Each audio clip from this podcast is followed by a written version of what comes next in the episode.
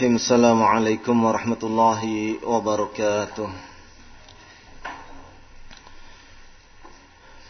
Innal hamdalillah nahmaduhu wa nasta'inuhu wa nastaghfiruh wa na'udzu billahi min shururi anfusina wa min sayyiati a'malina May yahdihillahu fala mudilla lahu ومن يضلل فلا هادي له أشهد أن لا إله إلا الله وحده لا شريك له وأشهد أن محمدا عبده ورسوله.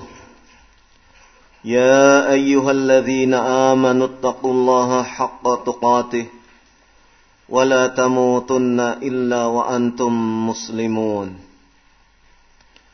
يا أيها الناس اتقوا ربكم الذي خلقكم من نفس واحدة وخلق منها زوجها وبث منهما رجالا كثيرا ونساء. واتقوا الله الذي تساءلون به والأرحام. إن الله كان عليكم رقيباً. يا أيها الذين آمنوا اتقوا الله وقولوا قولا سديدا. يصلح لكم أعمالكم ويغفر لكم ذنوبكم. ومن يطع الله ورسوله فقد فاز فوزا عظيما. أما بعد فإن أصدق الحديث كتاب الله وخير الهدي هدي محمد صلى الله عليه وعلى آله وسلم وشار الأمور محدثاتها فإن كل محدثة بدعة. وكل بدعة ضلالة وكل ضلالة في النار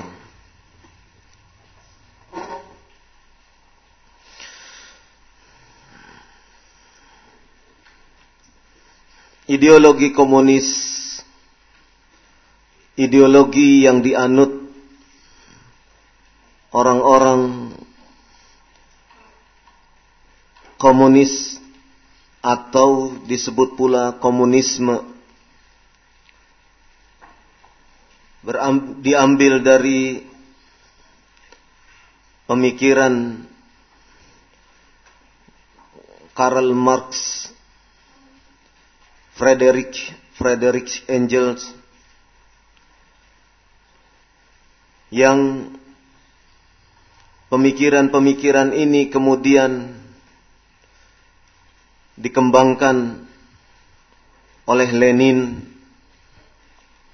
di Uni Soviet dengan pemahaman Leninismenya. Kemudian pemikiran ini dikembangkan oleh Mao Zedong yang kemudian menjadi Maoisme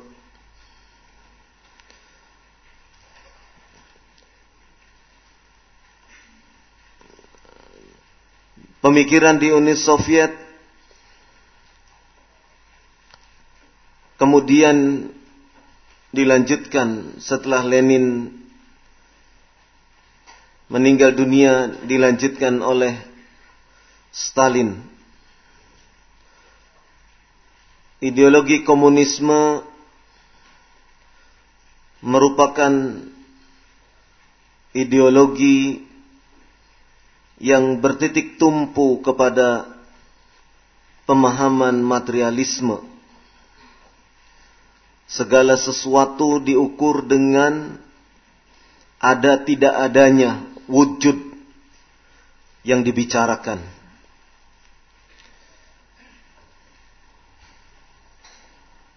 Ideologi komunisme menekankan kepada apa yang disebut dengan materialisme. Sesuatu yang tidak bisa diwujudkan dalam bentuk materi berarti itu hanyalah sesuatu yang hayal sesuatu yang tidak boleh dipercayai atau tahayul. Sehingga melalui pemahaman materialisme inilah ideologi komunisme adalah merupakan ideologi yang mengandung kekufuran yang menjadikan seseorang kafir kepada Allah Subhanahu wa taala mengingkari keberadaan Allah Subhanahu wa taala mengingkari hari kiamat mengingkari adanya surga dan neraka mengingkari para malaikat. Dan segala sesuatu yang sifatnya tidak diwujudkan dalam bentuk tidak bisa diwujudkan dalam bentuk materi. Inilah ideologi komunisme. Dan sangat bertentangan sekali dengan apa yang diajarkan di dalam Islam di mana seorang muslim seorang mukmin dia harus mengimani perkara-perkara yang gaib. Perkara-perkara yang tidak bisa kemudian diwujudkan dalam bentuk materi. Perkara-perkara yang sulit untuk dirasakan oleh panca indera. Tetapi keberadaannya harus diimani oleh ataupun mukmin. Seorang muslim dia harus mengimani adanya Allah Subhanahu wa taala. Seorang seorang muslim dia harus mengimani adanya para malaikat Allah Subhanahu wa taala. Seorang muslim dia harus mengimani hari akhir.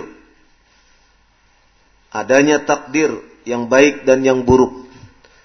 Dan seorang mukmin harus mengimani tentang perkara-perkara gaib yang lainnya di antaranya adanya surga, neraka dan peristiwa-peristiwa lain pada hari kiamat. Di sinilah letak perbedaan antara keyakinan komunisme yang menitik beratkan kepada materialisme dengan pemahaman Islam yang mengedepankan tentang keimanan keimanan kepada Allah Subhanahu wa taala, keimanan kepada para malaikatnya, keimanan kepada kitab-kitabnya, keimanan kepada rasul-rasulnya, keimanan kepada hari akhir, keimanan kepada takdir yang baik dan yang buruk.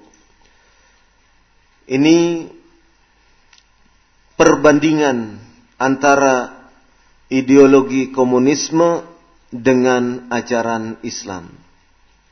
Sehingga di mana pun berada, komunisme adalah merupakan faham yang bertentangan dengan Islam.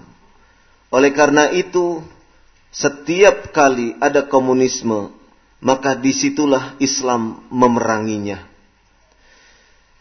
Bentuk memerangi komunisme yang dilakukan oleh kaum muslimin atau terkhusus oleh salafiyin pada masa sekarang ini yaitu dengan cara memerangi pemahaman-pemahaman tersebut dengan mendakwahi kepada segenap masyarakat tentang bahaya kekufuran adanya ideologi komunisme.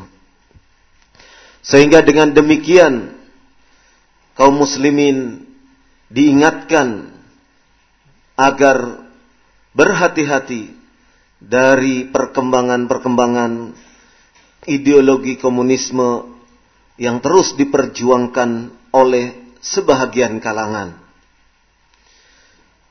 Kemudian kita akan dapati pula perbedaan yang sangat tajam antara Islam dan komunisme. Di dalam komunisme tidak ada hak kepemilikan individu. Semua kepemilikan dikuasai oleh negara. Negara berhak untuk merampas kepemilikan yang sifatnya individu. Sedangkan di dalam Islam justru kepemilikan individu tetap diperbolehkan. Walaupun kepemilikan individu tersebut Islam mendorong kepada pemeluknya yang memiliki kelebihan harta, kelebihan modal, kelebihan rizki dari Allah Subhanahu wa taala untuk kemudian membantu kepada saudara-saudaranya yang tidak mampu. Dengan cara menyedekahkannya, dengan cara menginfakkannya, atau dengan cara menunaikan zakat yang diberikan kepada kaum yang tidak mampu. Itulah Islam. Sementara di dalam keyakinan komunisme bahwasannya seorang individu tidak boleh memiliki harta kekayaannya sendiri. Keadaan masyarakat komunis adalah sama rata, sama rasa. Tidak ada yang kaya, tidak ada yang miskin. Semuanya dibiayai oleh negara. Semuanya mendapatkan perlakuan yang sama di dalam pemenuhan materi. Oleh karena itu, di dalam kehidupan masyarakat komunis tidak ada orang kaya. Di dalam kehidupan masyarakat komunis tidak ada orang yang kemudian memiliki pabrik, usaha mandiri, usaha sendiri. Tidak ada. Semuanya dikuasai oleh negara. Berbeda dengan Islam, ketika seseorang diberi fadilah, keutamaan oleh Allah Subhanahu wa taala, maka orang yang diberi fadilah tersebut didorong untuk mengeluarkan rezeki yang telah Allah berikan kepada dirinya untuk disalurkan di jalan Allah Subhanahu wa taala. Inilah bentuk perbedaan ideologi komunisme dengan Islam. Sehingga perbedaan ini akan menjadikan satu bentuk hal yang sangat bertentangan satu dengan lainnya. Oleh karena itu, tidak ada seorang muslim yang memiliki keyakinan i'tiqad yang baik yang kemudian meyakini bahwasanya komunisme itu mengandung kebaikan-kebaikan. Dan bila ada orang yang kemudian seorang muslim yang mengatakan di dalam komunisme itu ada kebaikan-kebaikan, berarti orang tersebut telah salah memahami agamanya dan telah salah di dalam menafsirkan ataupun memahami komunisme itu sendiri. Oleh karena itu, tidak ada kebaikan pada ajaran-ajaran komunis. Tidak ada kebaikan pada komunisme, ideologi komunisme. Karena sesungguhnya ideologi itu beranjak dari pemikiran-pemikiran Karl Marx, seorang Yahudi. Pemikiran-pemikiran dari filsafat yang tentu saja lahir dari pemikiran manusia. Sehingga tidak ada penghargaan individu, tidak ada kemudian orang-orang bisa berupaya dengan semaksimal mungkin. Yang ada hanya sama rata, sama rasa. Alat-alat produksi seperti seorang memiliki tanah, seseorang memiliki traktor, seseorang memiliki kendaraan, seseorang memiliki pabrik, semuanya dikuasai atas nama negara.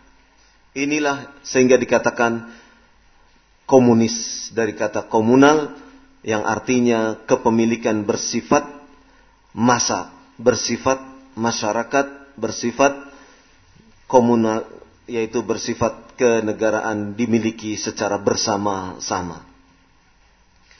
Kemudian kita pun dapati pula kerusakan dari pemikiran komunisme ini adalah ketika mereka mencoba untuk menumbuhkan sifat-sifat jahat untuk menghantam, untuk kemudian melawan terhadap orang-orang yang memiliki kekayaan yang dilebihkan oleh Allah Subhanahu wa taala.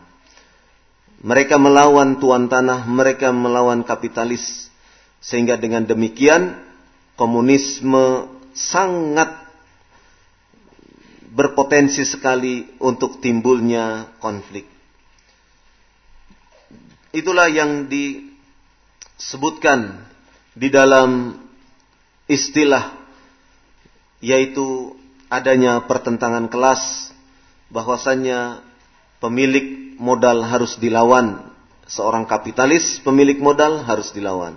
Seorang berjuis pemilik tuan tanah ya, yang sebagai tuan tanah harus dilawan.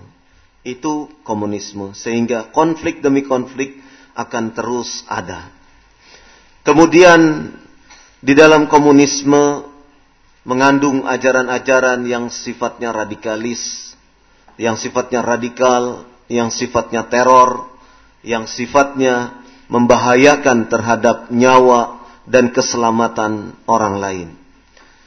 Orang-orang komunis tidak mengapa membunuh sesamanya dan itu sudah ditemukan bukti-bukti fakta-fakta yang tidak bisa dibantah lagi. Bagaimana ketika Stalin berkuasa di Uni Soviet, membunuh teman yang menjabat ya, dalam struktur kepengurusan negara di Uni Soviet. Bagaimana Stalin membunuh rakyatnya, ya, 40 juta rakyatnya dihabisi oleh Stalin. Demikian juga Mao Zedong di Republik Rakyat Cina dibunuh jutaan manusia. Dan bagi Mao Zedong membunuh sekali libas 20 ribu orang itu sangat mudah. Sehingga nyawa bagi kalangan komunisme itu sangat mudah untuk dikorbankan. Sementara ajaran Islam menyebutkan wala taqtulun wala taqtulunan nafsal lati harramallah illa bil haqq di dalam surat Al-Furqan ayat ke 68.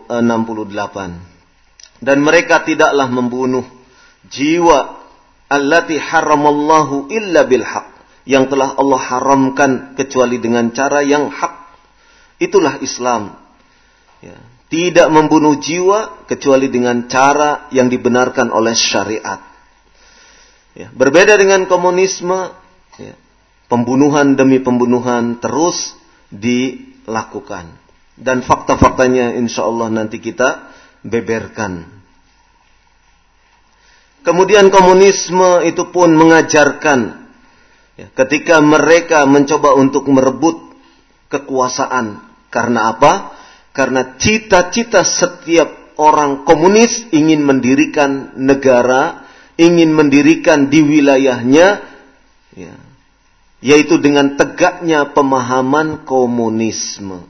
Sehingga ketika ia berupaya untuk menanamkan komunisme di setiap masyarakat, maka orang-orang komunis selalu berupaya untuk melakukan pemberontakan terhadap penguasa yang ada. Padahal di dalam ajaran Islam Memberontak itu adalah perkara yang haram. Memberontak kepada penguasa yang sah, penguasa muslim, penguasa kaum muslimin yang ada adalah sesuatu yang tidak boleh. Allah Subhanahu wa taala berfirman, "Ya ayyuhalladzina amanu ati'ullaha wa ati'ur rasul wa ulil amri minkum." Wahai orang-orang yang beriman, Taatlah kepada Allah, taatlah kepada Rasul dan kepada orang-orang yang beriman.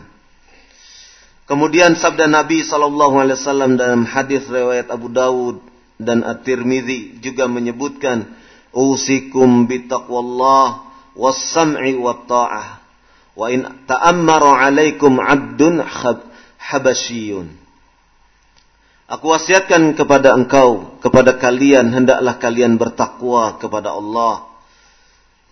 Mendengar dan taat. Meskipun yang memerintahkan atas kalian yaitu Abdun Habasyun. Seorang budak Habasyi. Ya. Budak yang semestinya tidak boleh menjadi penguasa. Tapi karena ia memiliki kekuasaan, maka kita diperintahkan untuk taat.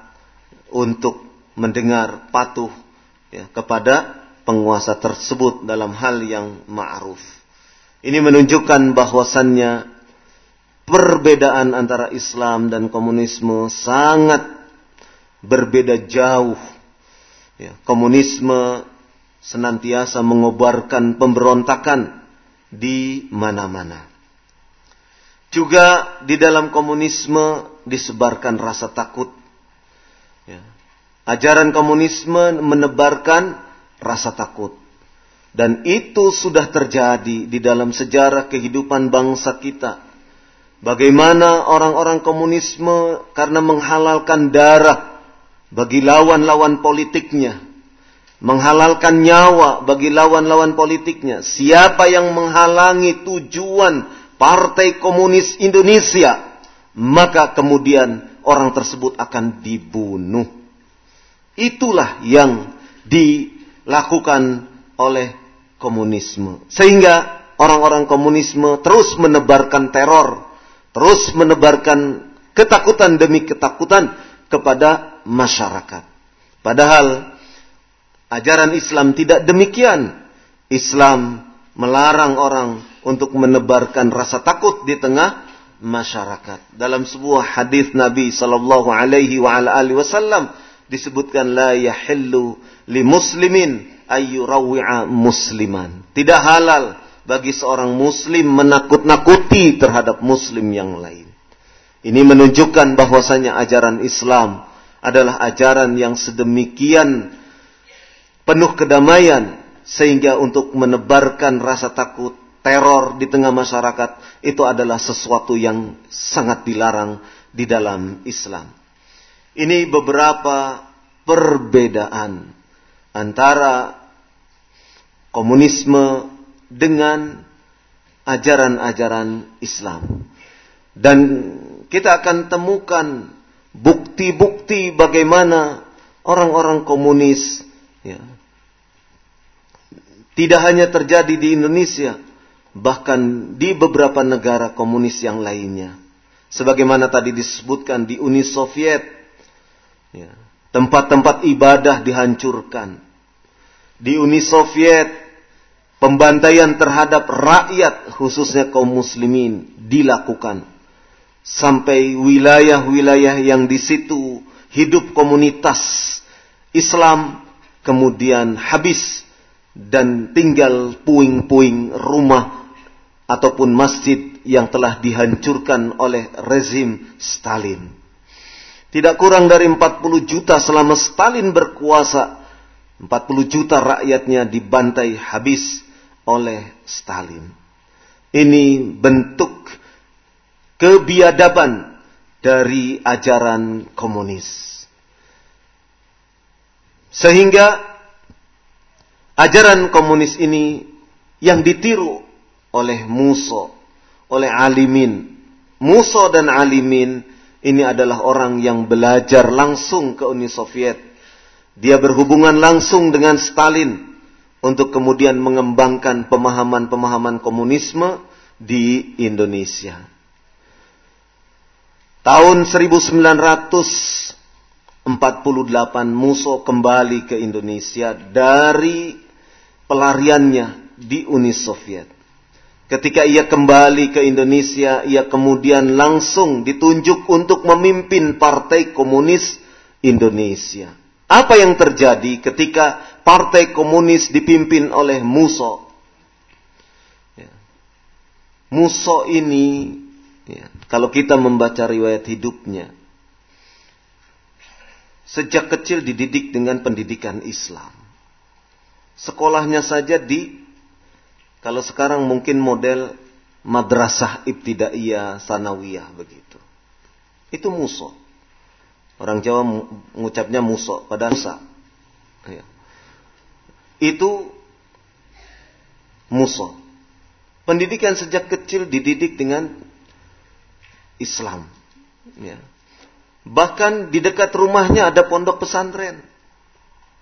Ya. Di daerah Kediri. Itu muso. Tetapi karena pergaulan. Muso kemudian mengambil pemahaman-pemahaman Marxisme sehingga kemudian ia menjadi seorang komunis.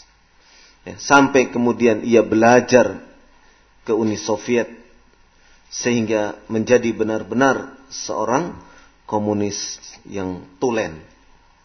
Kembali dari Soviet, Musso memimpin Partai Komunis Indonesia. Baru beberapa bulan memegang kekuasaan pucuk pimpinan di Partai Komunis Indonesia. Musso menggerakkan masa. Menggerakkan masa untuk melakukan pemberontakan terhadap pemerintahan yang ada. Dengan cara apa? Musa membuat semacam pasukan sipil yang dipersenjatai. Ya. Pasukan sipil yang dipersenjatai. Kemudian Musa menggerakkan kaum buruh pabrik yang ada di Delanggu, Klaten, ya, dekat Solo sana. Buruhnya dipengaruhi untuk mogok. Kemudian dilakukan keonaran-keonaran, kerusuhan-kerusuhan yang terjadi di kota Solo. Kemudian merembet ke kota-kota lainnya, termasuk di Cepu, Bojonegoro, kemudian Ngawi, sampai akhirnya meletus pemberontakan Madiun 18 September 1948. Pemberontakan Madiun, Musa mengerahkan segenap para pengikut PKI. Ya. Maka kemudian orang-orang PKI menangkap, ya, menculik ya, tokoh-tokoh ataupun para pengasuh pondok pesantren, guru-guru ngaji. Di antara guru ngaji yang diculik oleh orang-orang PKI, di antaranya adalah yang bernama Kiai Haji Rokib, imam masjid besar di Kabupaten Magetan. sebelum genap usia 20 tahun, ia diculik oleh gerombolan PKI. Ya, ketika diculik, ya, Pak Rokib ini mengatakan tidak salah menculik saya. Saya kan cuma guru ngaji. Kata orang-orang PKI yang menculiknya justru karena kamu guru ngaji. Kamu akan menghalangi tujuan PKI. Ya. Jadi penculikan, pembantaian, pembunuhan itu memang disengaja kepada atau diarahkan kepada orang-orang yang memiliki agama. Orang-orang yang dikenal agamanya ataupun mengajarkan agama. Itu yang disasar oleh orang-orang PKI. Jadi ketika dikatakan saya ini kan cuma guru ngaji, ya justru karena kamu guru ngaji sehingga kamu diculik oleh PKI. Lihat, di sini jelas sekali permusuhannya kepada Islam dan kaum muslimin. Lihat di sini menunjukkan bahwasannya Partai Komunis Indonesia tidak suka dan sangat membenci kepada orang-orang Islam. Ya. Jadi permusuhan mereka kepada kaum muslimin adalah permusuhan karena kaum muslimin melaksanakan, mengajarkan agama yang dianutnya. Itu Partai Komunis Indonesia, itu orang-orang komunis seperti itu. Jadi bukan asal culik orang komunis itu ya, menangkap orang bukan asal-asalan, tapi dipilih. Mana orang-orang yang agamanya dianggap militan, itu yang kemudian dihabisi. Ya. Jadi dari peristiwa-peristiwa yang kita kumpulkan, Ya.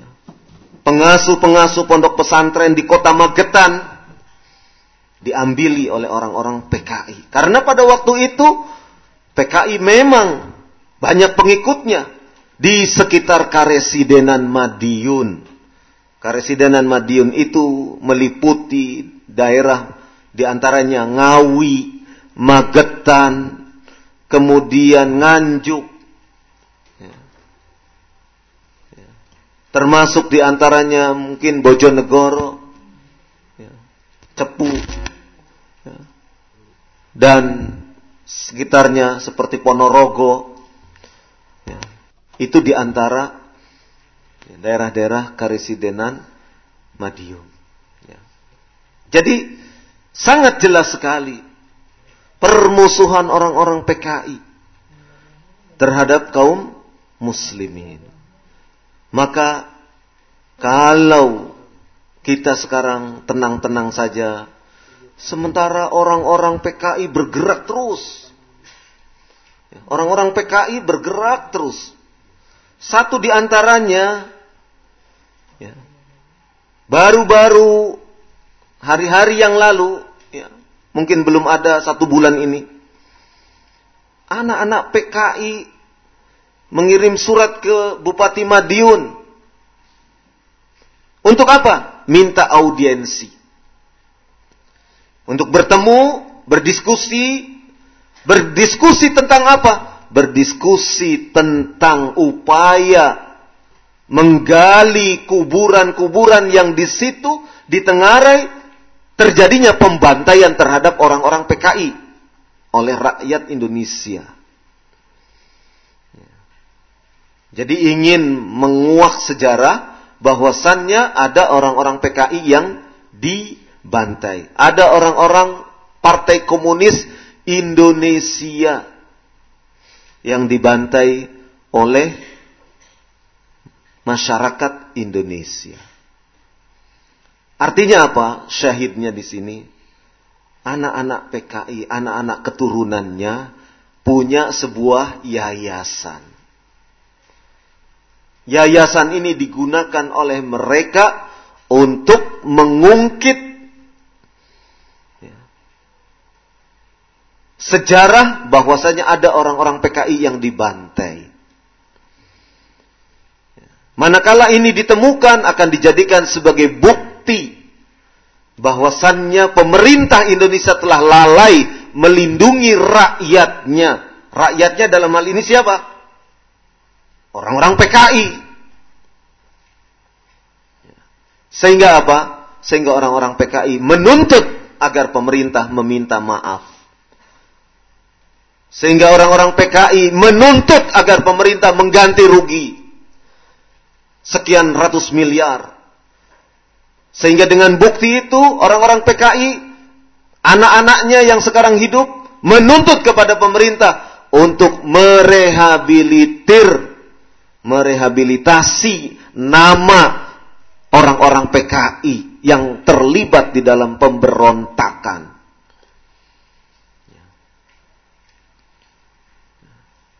Nanti akan ada nama Aidit direhabilitir sehingga Aidit bukan sebagai seorang pemberontak. Ya. Nama Untung, Letnan Kolonel Untung direhabilitasi sehingga dia sebagai perwira TNI dari Cakrabirawa, bukan pemberontak. Ya. Karena anaknya memperjuangkan terus, memperjuangkan di antaranya memperjuangkan ayahnya. Anaknya Untung itu namanya Bejo. Bejo bin Untung.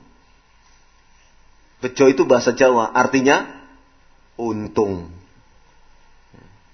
Bejo bin Untung. Ya. Ini yang terus ya, teriak sana, teriak sini. Ya, untuk bersemangat membongkar kuburan-kuburan yang di situ katanya dijadikan kuburan massal pembantaian orang-orang PKI. Ya. Lah Bejo bin Untung itu waktu itu kan masih kecil.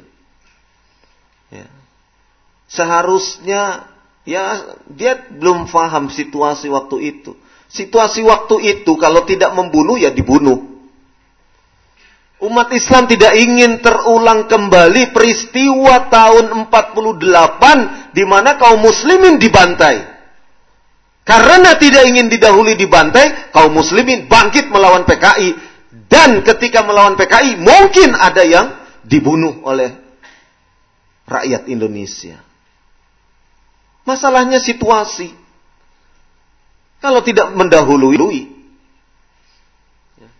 Sebagaimana pula TNI dengan RPKAD-nya, sekarang Kopassus, ya, turun ke wilayah-wilayah yang di situ dianggap sebagai kantong-kantong PKI. Kemudian mereka ditangkapi. Itu dalam rangka untuk supaya ya, kaum PKI ini tidak lantas melakukan ya,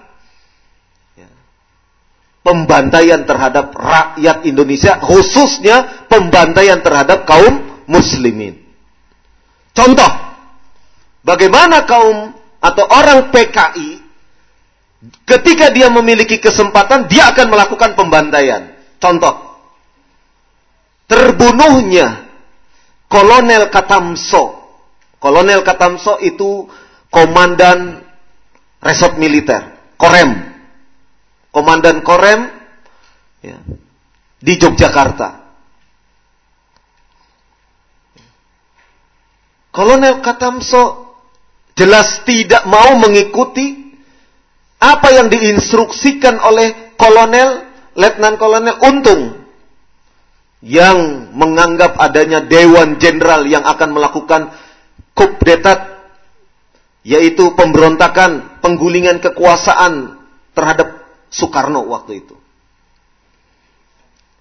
Nah, orang PKI, pimpinan PKI di Yogyakarta, ya, membisikkan kepada salah satu kadernya yang ada di dalam korem, ya, saya lupa Mayor Edi atau siapa, ya, itu dibisiki, kamu bunuh Katamso, kamu bunuh ya, Sugiono, nanti kamu yang akan memimpin korem ini.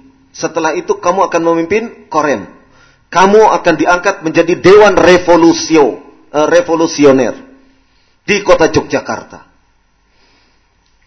Ketika memiliki kesempatan, maka orang yang dibisiki ini tadi oleh tokoh PKI Yogyakarta, kemudian ia menculik Katamso, menculik Sugiono, dan kemudian membantai keduanya di kentungan Yogyakarta. Ya. Diculik, dibawa oleh mobil gas, sejenis mobil jeep. Ya. Lubangnya sudah disiapkan. Ya. Dalam keadaan terikat, mereka dibawa ke daerah kentungan. Kemudian dari belakang dipukul kepalanya oleh kunci mortir. Kan besar kunci mortir itu. Dipukul kepalanya. Sampai terjatuh. Masih belum mati. Kemudian dianiaya dipukul lagi ya, dimasukkan ke lubang yang sudah disiapkan. Begitu juga ya. Letkol Sugiono dipukul juga dari belakang, mati juga. Ini menunjukkan Orang komunis ketika memiliki kesempatan untuk membantai terlebih dahulu, maka akan dia lakukan. Situasinya seperti itu. Ya. Siapa yang tidak mendahului, maka didahului. Ya. Situasinya seperti itu. Jadi kaum muslimin ketika mencoba untuk menangkapi orang komunis, ya, kemudian terjadi misalnya penganiayaan kepada orang komunis itu dengan sebab kalau tidak dianiaya ya, orang komunis itu misalnya tidak dibunuh dia akan membunuh kepada kaum muslimin. Dia akan membantai kaum muslimin. Maka dalam keadaan situasi seperti itu ya, sebahagian rakyat Indonesia kemudian ya, membunuh orang-orang PKI ya, itu tidak di tampik dalam sejarah. Ada orang-orang PKI yang kemudian dibunuh. Nah, sekarang orang-orang model Bejo bin Untung, model Ilham Aidit, anaknya Aidit, ya. model Ibaruri Aidit, yang dulu ketika bapaknya dibunuh karena melakukan pembantaian terhadap petinggi-petinggi TNI, Ibaruri baru berusia 16 tahun. 16 tahun sudah sekolahnya di Soviet sana. 16 tahun usia, sekolahnya sudah di di Soviet sana. Ya. Nah, mereka ini sekarang sedang berusaha untuk menuntut, membalas, ya, karena mereka merasa dizolimi, karena mereka merasa dibantai, ya, tidak ditegakkan hukum kepada mereka katanya, dibunuh tanpa proses pengadilan. Ya. Mereka seakan-akan berada di atas kemenangan. Ya. Mereka tidak sadar bahwasannya situasi yang terjadi seperti itu ketika ketika itu adalah akibat tangan-tangan perbuatan mereka. Akibat dari kerusakan-kerusakan yang ditimbulkan oleh Partai Komunis Indonesia dengan ideologinya yang anti Tuhan, dengan ideologinya yang memang inginnya membuat kekacauan demi kekacauan. Ideologinya memang senang dengan konflik dan konflik. Bahkan ideologinya menghalalkan darah. Siapa saja yang berani menentang, melawan tujuan PKI, tujuan Partai Komunis Indonesia, maka dibantai. Itu ideologi mereka. Dan itulah yang dilakukan oleh orang-orang komunis di Indonesia. Tidak hanya di Indonesia, di Soviet, di Vietnam, di Kamboja, di Korea Utara, di Kuba. Mereka orang-orang komunis pasti membantai lawan politiknya. Dan itu menjadi bukti sejarah komunisme di seluruh dunia. Inilah contoh kebiadaban komunis di berbagai penjuru dunia. Ya. Tahun 48 ya. Pondok pengasuh-pengasuh pondok pesantren ditangkap. Ya. Diikat. Ya. Diikat oleh tali yang terbuat dari bambu. Sehingga ketika diikat tangannya banyak yang luka-luka, kegores-gores. Mereka dikumpulkan di sebuah loji. Loji itu rumah peninggalan Belanda. Ya. Perumahan pabrik gula. Perumahan kompleks di pabrik gula Gorang Gareng. Sekarang Rejosari. Di daerah Magetan. 160 orang yang ditangkap oleh orang-orang komunis ya, di sekitar wilayah Magetan ditahan di rumah loji tersebut. Mereka dibagi di kamar-kamar, di kamar-kamar. Ya. Ketika mereka dalam keadaan terikat, ya, dari balik jendela mereka ditembaki. Ya. Ditembaki mereka. dan saksi hidup seperti Pak Rokib ini dia berhasil selamat karena apa? Ya. Karena dia begitu senjata masuk ke jendela, dia sembunyi di bawah jendela sini. Jadi tidak kena. Begini, dia adanya di bawah sini apa? Namanya moncong senjatanya di sini. Tembaki, tetet tetet Inginnya dia merebut senjata, dipegang pucuk senjatanya itu, ternyata panas, dilepas lagi. Ya karena orang nggak pernah bawa senjata, nggak tahu kalau udah ditembakkan kan panas. Ya. Ya. Dan semua teman-temannya yang satu tahanan satu kamar itu mati semua, kecuali dia bertiga yang sembunyi di balik jendela itu. Ya. Darah berceceran di mana-mana. 160 hitungan dari anggota Siliwangi yang turun membebaskan, yang kemudian mengejar orang-orang PKI yang membantai tersebut. Pasukan Siliwangi yang diturunkan di sana dihitung satu demi satu tidak kurang dari 160 rakyat masyarakat Magetan dibantai di satu rumah itu. Di situlah yang disebut dengan banjir darah. Ya. banjir darah. Sampai kakinya Kiai Rokib aja satu satu mat, e, setinggi mata kaki itu darahnya itu melekat di kakinya. Karena sedemikian banyak yang dibantai, yang dibunuh oleh orang-orang PKI. Ya. Ini belum yang termasuk dari sebahagian tahanan yang di loji ini dinaikkan dengan gerbong kereta ke wilayah Soco. Di daerah Soco ada lubang ya, sumur tua yang di situ juga terjadi pembantaian. 172 jenazah ditemukan di sana. Ya, termasuk di antaranya adalah jenazah Bupati Magetan yang dibantai di sana. 172 di lubang tersebut. Sampai menggalinya itu harus dari pinggir. Dibuat lubang tembusan untuk mengeluarkan jenazah yang dimasukkan ke dalam sumur tua tersebut. Ini keganasan, kebiadaban PKI. Itu yang satu lubang di Soco. Belum satu lubang lagi yang di wilayah desa Bang Sri.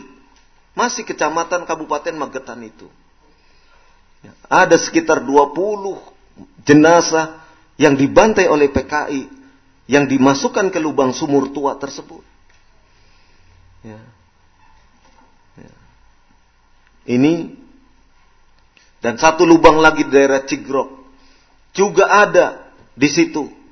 Ya, beberapa puluh jenazah. Jadi mereka dibantai. Rakyat ditangkepi. Ya, oleh orang-orang komunis. Itu tahun 48.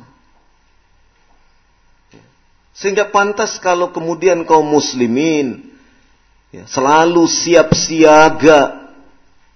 Selalu siap siaga untuk menghadang komunisme. Mau azan dulu.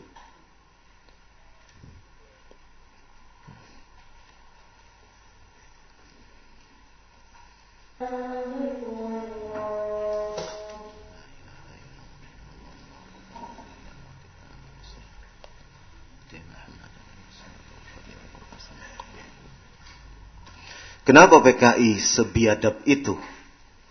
Karena memang yang diajarkan oleh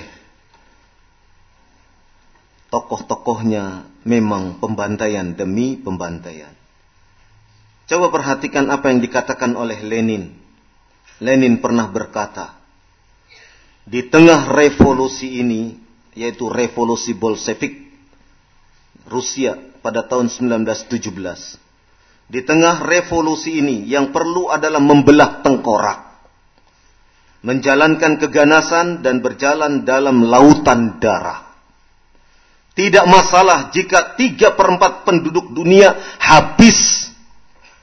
Asalkan yang seperempat sisanya adalah komunis. Untuk melaksanakan komunisme, kita tidak gentar berjalan di atas mayat 30 juta orang. Lihat. Itu Lenin. Kemudian tokoh komunis Cina berdialog dengan Aidit pada tanggal 5 Agustus tahun 65 di negara Cina yaitu di daerah Zongnanhai perkampungan di mana partai markas Partai Komunis Cina berada. Dialognya begini, kata Mao Setung, tokoh Partai Komunis Cina, kata Mao Setung kepada Aidit, ya, kepada Aidit, kamu harus bertindak cepat.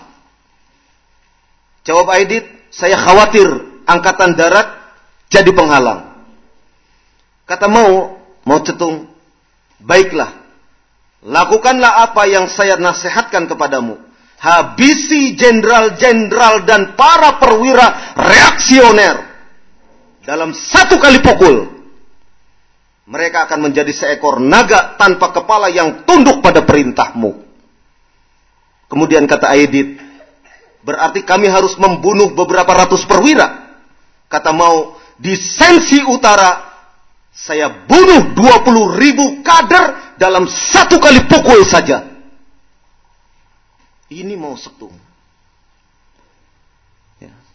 Haus darah. Membunuh dan membunuh.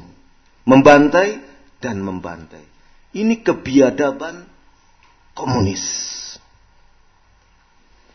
Jadi, kalau orang Islam tidak membela diri, kalau orang Islam diam, dihabisi, digorok, dibunuh duluan. Karena apa? Karena baik Lenin, Mao Zedong selalu memerintahkan untuk membantai, membunuh. Itu yang dilakukan oleh perintah yang dilakukan oleh tokoh-tokoh komunis. Dan itulah yang diajarkan kepada tokoh-tokoh PKI di Indonesia. Seperti Muso, seperti Aidit, dan yang lain-lainnya. Jadi kalau mereka kemudian membunuh jenderal-jenderal, itu karena ada perintahnya dari Mao Zedong di RRC sana. Republik Rakyat Cina. Ya. Ya. Itu ya, komunis. Sehingga mereka selalu ingin merebut kekuasaan. Ya. Mereka selalu ingin menjadi penguasa sehingga dengan penguasa itu menjadi penguasa bebas untuk menanamkan komunisme, pemahaman-pemahaman komunisme ke rakyatnya yang dikuasai tersebut. Apabila rakyatnya melawan, maka akan dibunuh, dibantai. Sebagaimana yang terjadi di Kamboja, sebagaimana yang terjadi di Vietnam. Itulah komunisme. Ya. Dan ketika kita melewati masa tahun 1948, komunisme berkembang lagi. Ketika tahun 65 komunis mengulangi lagi kebejadannya. Melakukan lagi pembantaian demi pembantaian, penghinaan-penghinaan kepada kaum muslimin. Contohnya, peristiwa Kanigoro, sebuah desa di kecamatan Kras, Kediri. Tanggal 13 Januari 1965. Waktu itu pemuda-pemuda yang masuk dalam organisasi pelajar Islam Indonesia mengadakan semacam kegiatan training di sebuah desa, desa Kanigoro di sebuah pesantren di situ. Orang-orang PKI menyerbu.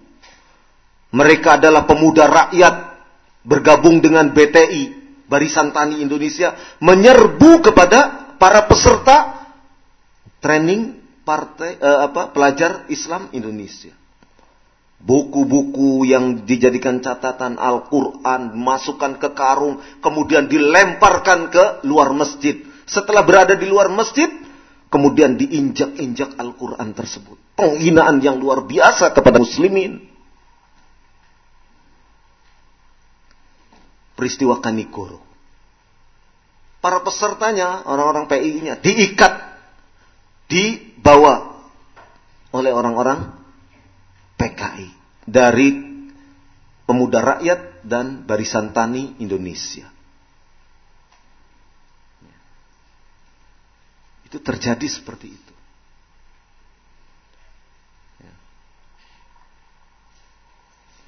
Peristiwa lainnya, ya. Peristiwa Bandar Betsi di Kabupaten Simalungun, Sumatera Utara. Ya. Seorang petugas Koramil, Pelda Sujono, dibantai oleh Barisan Tani Indonesia. Barisan Tani Indonesia ini organisasi petaninya PKI. Ya. Orang-orang BTI, Barisan Tani Indonesia ini merebut lahan-lahan milik perusahaan perkebunan rakyat. Ya. lahan-lahan milik perkebunan dirampas oleh orang-orang BTI ditanami. Karena ini milik lahan perkebunan, perkebunan melarang. Begitu melarang orang-orang BTI ngamuk. Sampai akhirnya aparat turun. Ternyata kekuatan masa mereka lebih besar ketika orang-orang dari Koramil termasuk di antaranya Pelda Sejono ini akhirnya dikeroyok habis. Sampai PKI menantang satu kompi lagi turun ke sini ayo kita berkelahi. PKI seperti itu. Sampai akhirnya Pelda Sejono dikeroyok habis dalam keadaan terkapar. Salah seorang dari mereka membawa cangkul kepalanya dicangkul sampai belah terbelah masih belum puas juga masih dipukuli juga itu PKI. Ya. Peristiwa Mei tahun 1965 di Bandar Betsi, Kabupaten Simalungun. Ya. Ini sebelum terjadinya G30 SPKI. Terjadinya gerakan 30 September. Partai Komunis Indonesia.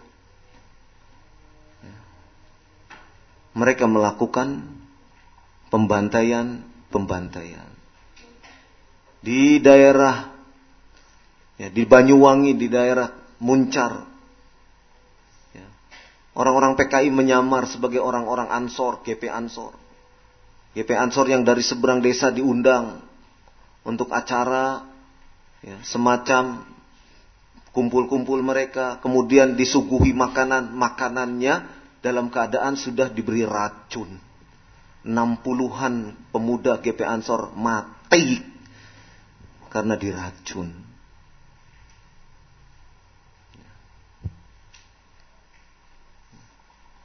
Di Kecamatan Muncar, Banyuwangi.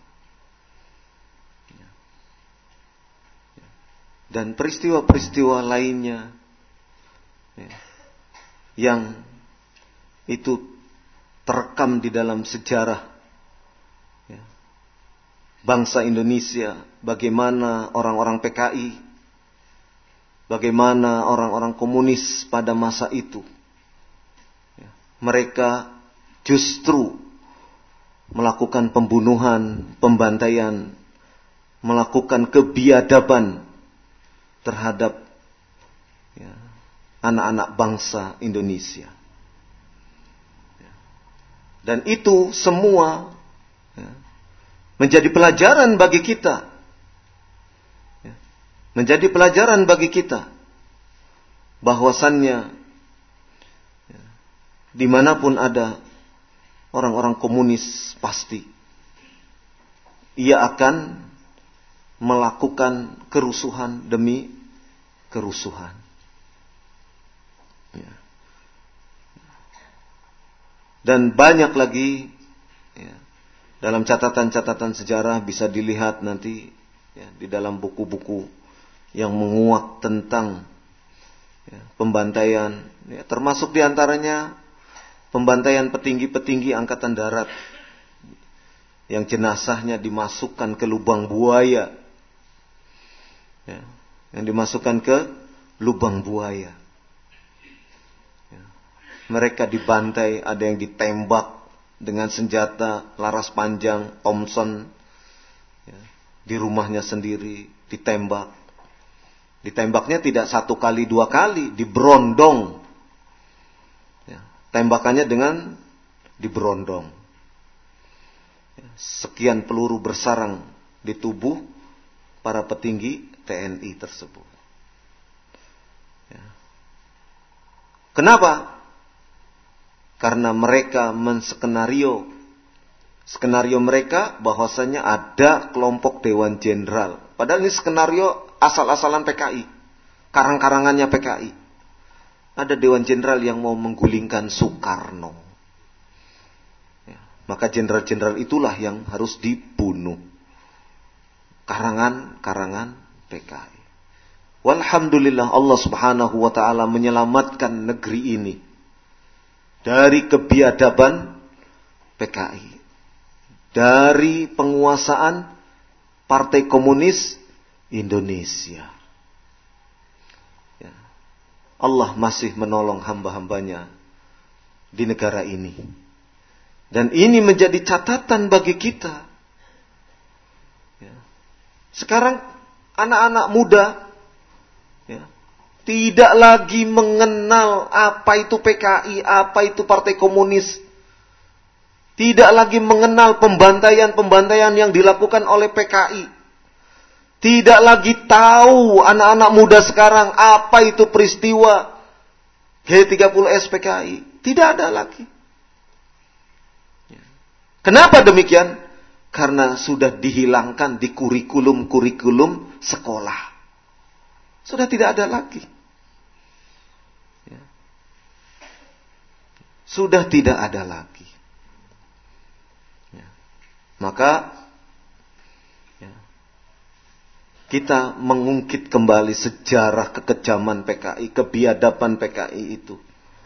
Ya, melalui tebar majalah dalam rangka untuk mengingatkan kembali masyarakat Indonesia khususnya generasi muda kaum muslimin yang sementara ini tidak mengetahui apa itu komunis, apa itu PKI, bagaimana sepak terjangnya, bagaimana pembantaian-pembantaian yang dilakukan terhadap kaum muslimin pada khususnya. Supaya mereka tahu. Sebab sebahagian dari sejarah itu sengaja untuk dihilangkan. Sengaja memang untuk dihilangkan. Agar apa?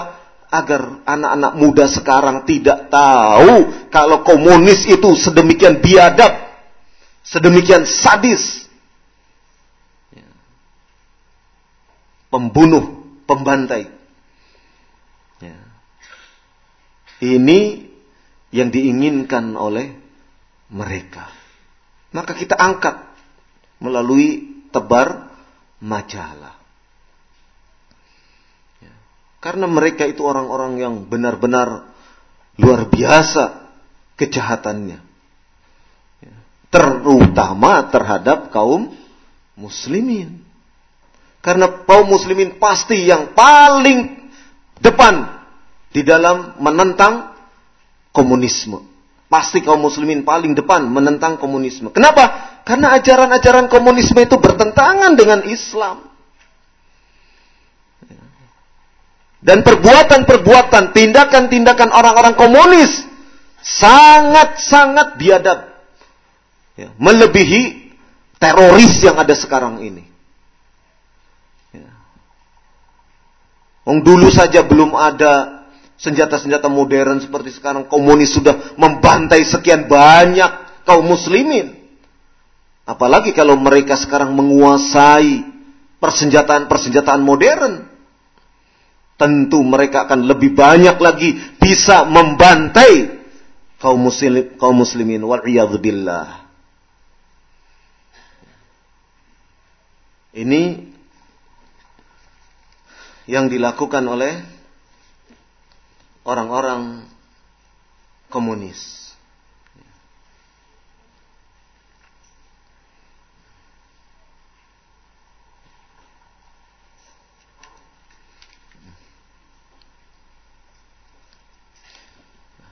Generasi sekarang dari kalangan komunis setelah kalau kita melihat reformasi ya, ada Forkot, ada Smith, ya,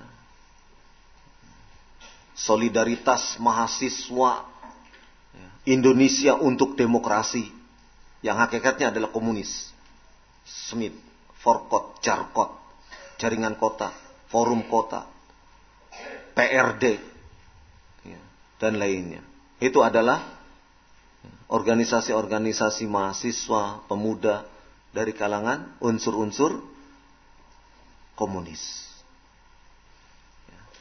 Mereka sekarang Ketika reformasi mereka banyak ya, yang melakukan bentuk-bentuk ya, kekerasan. Mereka berani bahkan TNI saja dilawan oleh mereka ya, karena sedemikian militan. Ya, mereka tidak takut mati. Ya, Budiman Sujatmiko ketika kerusuhan 27 Juli lari ke rumah Romo Sandiawan dilindungi di situ. Ya. Romo Sandiawan. Orang Katolik. Yang sampai sekarang terus membela. Dan banyak lagi para aktivis-aktivis lainnya. Ya. Yang mereka ya, adalah orang-orang yang berusaha untuk ya, menggulingkan pemerintahan Orde Baru. Kenapa mereka benci sekali kepada Orde Baru? Terutama kepada Presiden Soeharto. Karena Presiden Soeharto dan jajarannya pada waktu itu adalah orang yang pertama menghabis, menghabisi PKI sampai ke akar-akarnya. Tidak ada tersisa sedikit pun organisasi PKI sampai lambang-lambangnya habis semua. Sehingga pantas bila sekarang ini kebencian mereka kepada Soeharto, kepada Repo, pres, mantan Presiden Soeharto ini luar biasa. Ya. Kebenciannya. Ya. Jazahullahu khairah. Kita berterima kasih. Karena dengan kebijakannya, ya, kemudian PKI dilarang untuk hidup di Indonesia.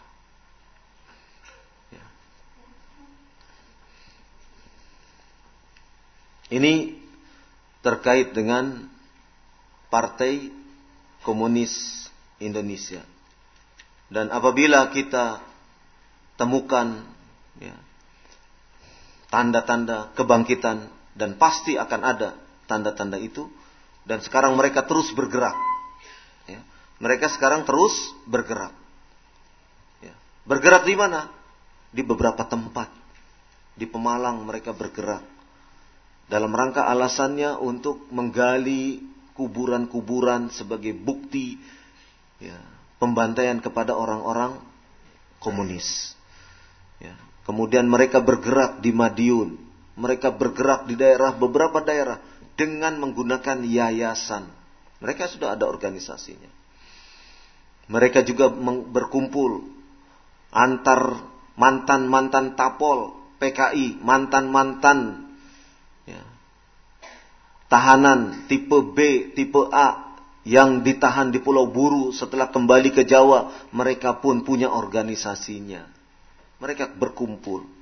Berkumpul dengan anak-anak muda, menyemangati anak-anak muda untuk menjadi seorang komunis yang menganut ideologi komunisme. Terus mereka bergerak. Jangan dikira komunis, oh sudah nggak ada. Mereka terus bergerak. Ya. Yang terakhir kemarin yang kita dapatkan suratnya, ada foto suratnya, permohonan audiensi kepada Bupati Madiun. Kita dapatkan bukti-bukti itu. Ya. Untuk menunjukkan bahwasannya mereka anak-anak PKI kaki tangannya ini terus melancarkan gerakan. Mereka berlindung di bawah Komnas HAM, gerakan mereka.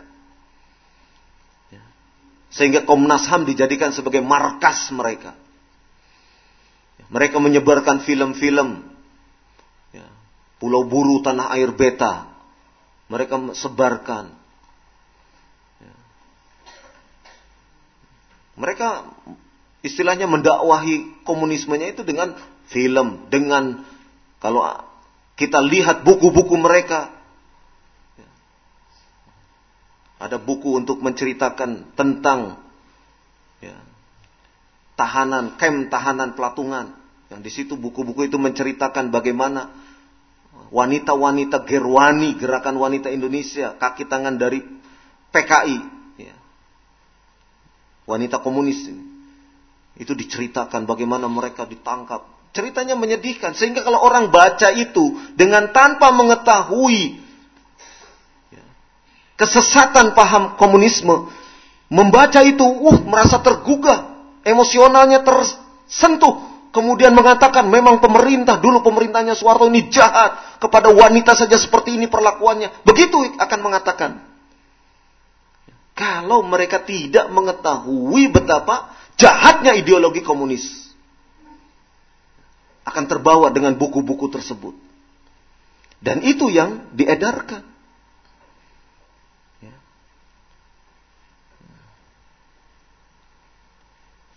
Ini yang sekarang ketika era liberalisme dibuka selebar-lebarnya, orang komunis memanfaatkan itu.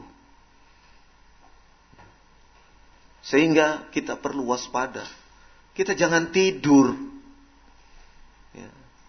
Cepat sebarkan majalah-majalah tersebut. Habis pesan lagi.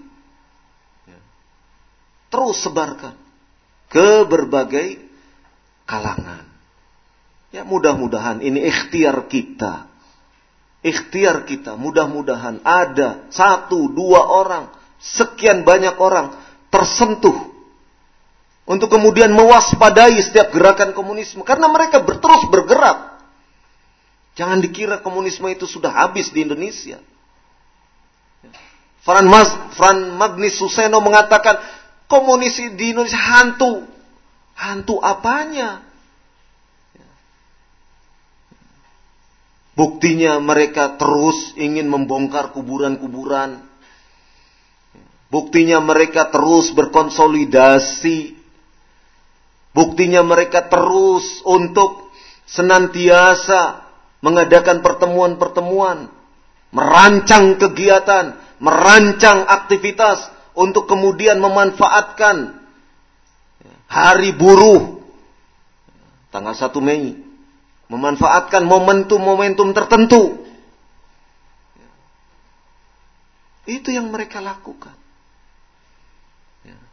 Jangan dikira komunisme di Indonesia terus diam. Ya. Masa sih ada anak-anak muda pakai kaos dengan gambar palu arit tidak ada yang bikin? Memangnya ujuk-ujuk muncul. Memangnya tiba-tiba muncul kaos itu. Ya. Pasti ada yang membuat. Dan yang membuat ini mesti punya modal. Pasti terorganisir Cuma yang membuatnya ini siapa, itu yang belum dibongkar. Siapa yang memberi modal, siapa penyandang dananya, ini yang tidak ditelusuri. Mestinya ada. Karena ini adalah tes case. Kalau gambar Palu Arit disebarkan di masyarakat, masyarakat menolak atau tidak? Kalau menolak, oh berarti tes. Jangan dulu bergerak kepada program yang lebih lanjut. Jangan dulu. Itu tes case. Jadi kalau masyarakat diam, ada gambar Palu Arit diam, ah berarti mereka sudah mulai nerima. Nah, berarti masyarakat sudah mulai cuek, tidak peduli dengan gambar Palu Arit. Berarti kalau nanti ditambah lagi dengan pawai komunis misalnya, masyarakat akan tidak peduli juga, berarti akan ditingkatkan lagi dengan training-training komunis. Masyarakat juga diam, berarti ditingkatkan lagi dengan aksi Kan begitu programnya. Jangan tidur kita. Ya. Komunisme terus mereka bergerak. Ya. Allahu a'lam bishawab. Sampai di sini subhanakallahumma wa bihamdik asyhadu an la ilaha illa anta astaghfiruka wa atubu ilaik.